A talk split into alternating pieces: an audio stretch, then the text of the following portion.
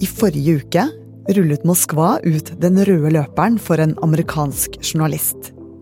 Tidligere Fox-programleder Tucker Carlson skulle intervjue president Vladimir Putin. Tell us why you believe the United States might strike Russia out of the blue.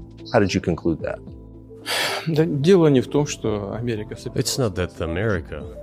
I over to timer snakket Putin om bakgrunnen for Ukraina-krigen og hvordan den kan avsluttes. Intervjuet blir omtalt som en stor propagandaseier for Putin og hans krig i Ukraina. For nå er det mye som ser ut til å gå hans vei. Du hører på Forklart fra Aftenposten, en podkast der vi tar for oss én nyhet i hver episode. I dag om hvordan Putin-intervjuet kan påvirke krigen. Det er tirsdag 13. februar, og mitt navn er Synne Søhol. Dette intervjuet har jo blitt, vært en av de store temaene folk har diskutert den siste uken, og nå er det jo snart ja, over 200 millioner som har sett deler av det på X, og 13 millioner som har sett det på YouTube. Så dette var, dette var en stor eh, mediebegivenhet i forrige uke. Tidligere Moskva-korrespondent Per Anders Johansen følger Ukraina-krigen tett som journalist for Aftenposten, og har sett det to timer lange intervjuet med Putin på X. Det er rart å se et intervju hvor journalisten knapt stiller noen spørsmål, øh, og Putin gjør jo noe som han ikke klarer å unngå. Han vil gjerne jekke folk litt ned, det gjør han ofte i sine intervjuer, og han jekket jo Tucker Carlson litt ned, har gjort litt research og latterliggjorde han en par ganger og hadde en par litt sånn spøkefulle formuleringer som gir inntrykk av at Putin er en mann som behersker dette her. Han, eh, han er på toppen. eh, En, en overfor ham. Are we having a talk show or a serious conversation? Here's the quote. Thank you. It's a formidable series. Og han styrer egentlig alt fra A til Å.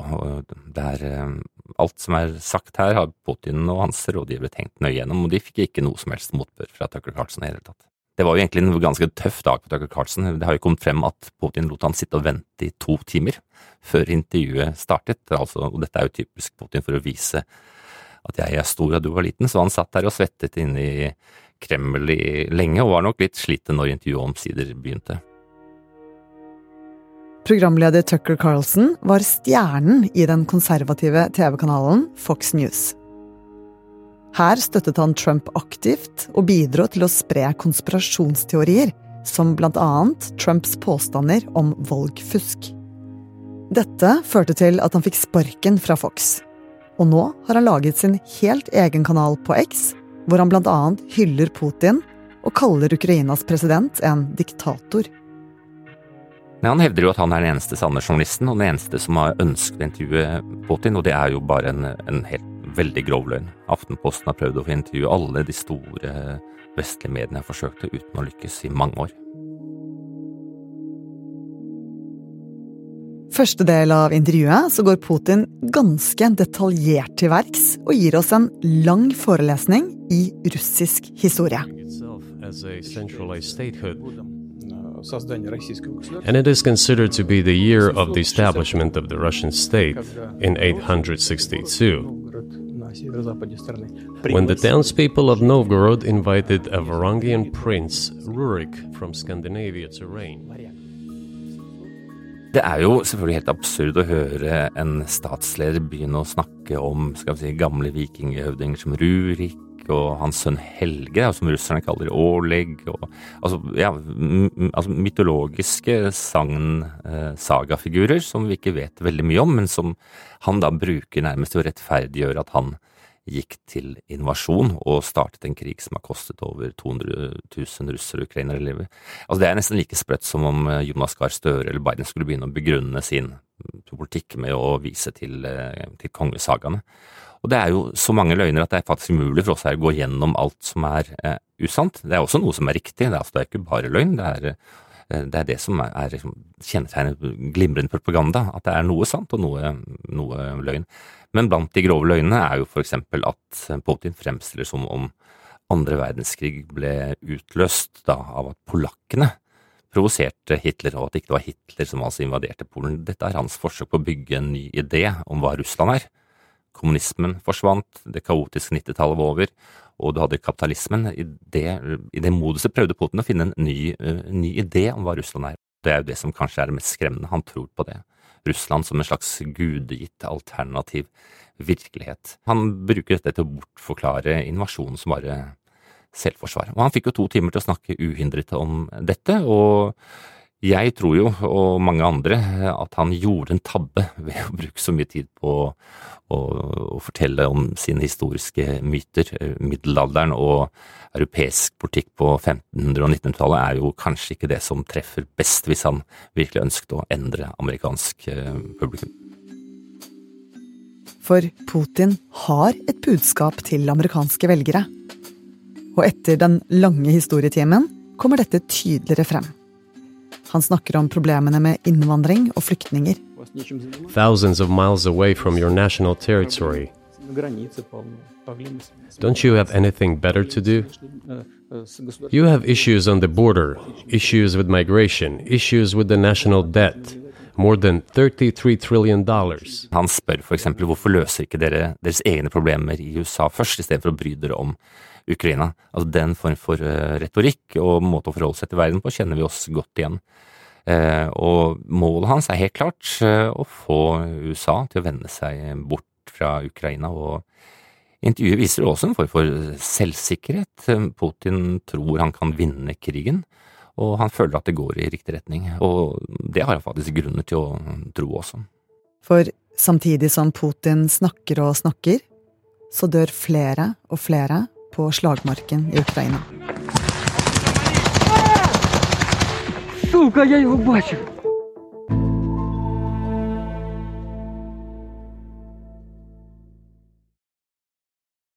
Per Anders, hvordan går egentlig krigen i Ukraina nå? Russland eh, har overtaket i krigen, og det er de som er på offensiven, og det er ukrainerne som, som presses tilbake meter for meter. De hardeste kampene har nå pågått eh, ved den store eh, fabrikkbyen Avdivka, og den er nå i ferd med å falle. Det er bare spørsmål om tid for ukrainerne må gi opp. Og russerne har ofret tusenvis av menneskeliv for å ta denne byen som egentlig bare hadde 30 000 innbyggere før krigen. I dag er den jo helt fullstendig i ruiner, og det ligger døde overalt. Men for uh, Russland vil det være et, en symbolsk seier, og for uh, Ukraina vil det være et tilbakeslag. Samtidig som president Putin sitter i intervjustolen i Moskva, er slagmarken i Ukraina et mareritt, også for russerne. Videoer fra fabrikkbyen Avdivka viser døde soldater som ligger på bakken. Et tynt snølag dekker likene mens krigens lyder høres i bakgrunnen. Takket være kulden har ikke likhaugene begynt å lukte. Mens ukrainske soldater mangler våpen og ammunisjon, får russerne stadig nye leveranser til fronten. Putin bruker jo nå 40% av alle pengene i Russland på det militære. Og eh, vi kan tenke oss selv hvor mye forsvar vi hadde hatt i Norge hvis vi hadde brukt så enorme summer på dette. Samtidig som en vanlig russer lever et ganske miserabelt liv. Eh, og flere titalls millioner russere lever under fattigdomsgrensen. Men han har sørget for å pumpe inn massevis av penger i russisk økonomi, og dermed unngått å bli så uh, kraftig rammet av sanksjonene. Kina, som tjener veldig mye på denne krigen, har sørget for at Russland får det de trenger av teknologi, av uh, maskindeler. Og så har det kommet i tillegg store mengder ammunisjon fra Nord-Korea, droner fra um, Iran. Verre er det for Ukraina. De mangler våpen, de mangler ammunisjon. De mangler penger. Og her spiller USA en viktig rolle. For lenge har amerikanske politikere forhandlet om en stor hjelpepakke til Ukraina. Men president Joe Biden sliter med å få landet avtalen. Republikanere har uh, satt foten ned, og uh, en av årsakene er jo selvfølgelig at eh, Biden, i et håp om å få alt igjennom, blandet inn både støtten til Ukraina, støtten til Israel, sikkerhetstiltak i Mexico, eh, og la alt i én ja, kurv, i håp om å få dette igjennom. Men eh, den strategien har jo slått helt feil, for republikanerne har da rett og slett nektet i uke etter uke å, stemme for dette her. Nå har det vært litt bevegelse i Senatet de siste dagene, så kanskje de kommer til å vedta pakken i en eller annen form, men så skal den videre til Representantenes hus. Så det er, akkurat nå så det, henger hele den amerikanske hjelpen til Ukraina i en, i en tynn tråd. Om ikke lenge er det presidentvalg i USA, og det kan få katastrofale følger for Ukraina. Vinner Donald Trump, kan krigsstøtten til Ukraina forsvinne. Nei, Trump sier jo mye forskjellig og mye rart, men han har blant annet sagt at han vil løse krigen i Ukraina på én dag. Eh, han vil bare diktere en løsning, og han regner med at Putin som en sterk leder vil kunne lytte på han, eh, Trump som også anser seg som en sterk leder. Og nå i helgen så kom det jo nye uttalelser fra Trump som får det til å gå kaldt nedover ryggen på mange i Europa. Han refererte til at han hadde en samtale med presidenten i et stort europeisk land, som etter Trumps mening ga for lite penger til eh, til Nato, og da hadde Trump gjort det helt klart at nei, Russland kan gjøre hva, som, hva de vil med et land som det som ikke betaler penger. Og det er jo selvfølgelig det samme som å si at han da rett og slett ikke ville holde Nato-avtalen.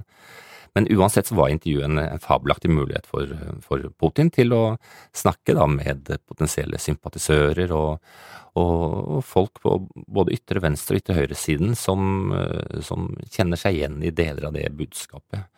Og det er både politikere og partier i, i Vesten som deler hans syn på mye av dette. Og det tar oss tilbake til Tucker Carlsons intervju med Vladimir Putin. For dette var en ypperlig anledning for Putin til å nå ut til amerikanere som deler hans verdenssyn. Jeg har sett flere amerikanske eksperter som tror at dette har en, har en viss effekt, og at noen eh, at han får noen flere inn i, i Trump-gjengen. På annen side så tror jeg at veldig mange av de potensielle Trump-følgerne aldri i verden gadd å følge med på et to timers langt intervju med oppramsing av, av russiske middelalderkonger. Så eh, i hvilken grad dette har stor effekt, det, det, er jeg i tvil om. Men noen, eh, noen han snakker til noen rettroende som, som han når frem til. Og kanskje var det nettopp derfor Putin rullet ut den røde løperen for Tucker Carlson i Moskva og innlosjerte ham på et av byens dyreste hoteller. Og i tillegg er den amerikanske journalisten gull verdt for Putin i hans fortelling overfor det russiske folk om hva som er sannheten det som er iallfall realiteten, er at i Russland så er jo all uavhengig journalistikk fullstendig utradert. Det er mange eh, journalister som er fengslet. Det er eh, hundrevis av journalister som er jaget vekk. Så Russland er ikke noe demokrati. Men eh, nå skal de snart arrangere valg, som også bare er et skuespill. Men det er viktig for Putin å gi da, dette inntrykket av at, eh, at de likevel er et demokrati. Tidligere så sa du at Putin bruker mye penger eh, på Forsvaret. Hvor lenge kan han fortsette å gjøre det? Dette er et av de store spørsmålene, nemlig hvor lenge kan Russland bruke 40% av økonomien, eh, med de konsekvensene det får på krigen. I, Russland ser vi at prisene øker, at det er mangel på arbeidskraft, og, og Putin trenger også flere soldater, og de har han ikke våget å, å mobilisere eh, siden høsten 2022. Eh, det førte til et stemningsskifte i Russland og gjorde krigen mye mer, mer upopulær. Så på lang sikt så risikerer Putin at denne krigen eh, virkelig begynner å ramme russere på, på, kroppen. Og da kan han få et problem.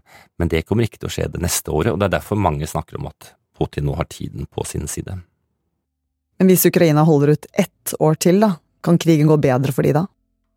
Argumentet da, dette er jo noe ukrainere selv sier, og mange vestlige eksperter, hvis de klarer å holde ut nå, så, så vil man merke krigen mer i Russland, også hos vanlige russere. Denne krigen koster Ukraina veldig mye, men den koster også Russland dyrt.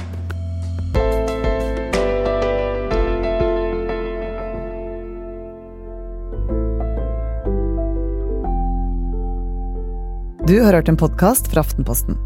Det var Per Anders Johansen som forklarte deg hva Putin-intervjuet kan bety for Ukraina-krigen. Denne episoden er laget av produsent Olav Eggesvik, Heidi Akselsen og meg, Synne Søhol.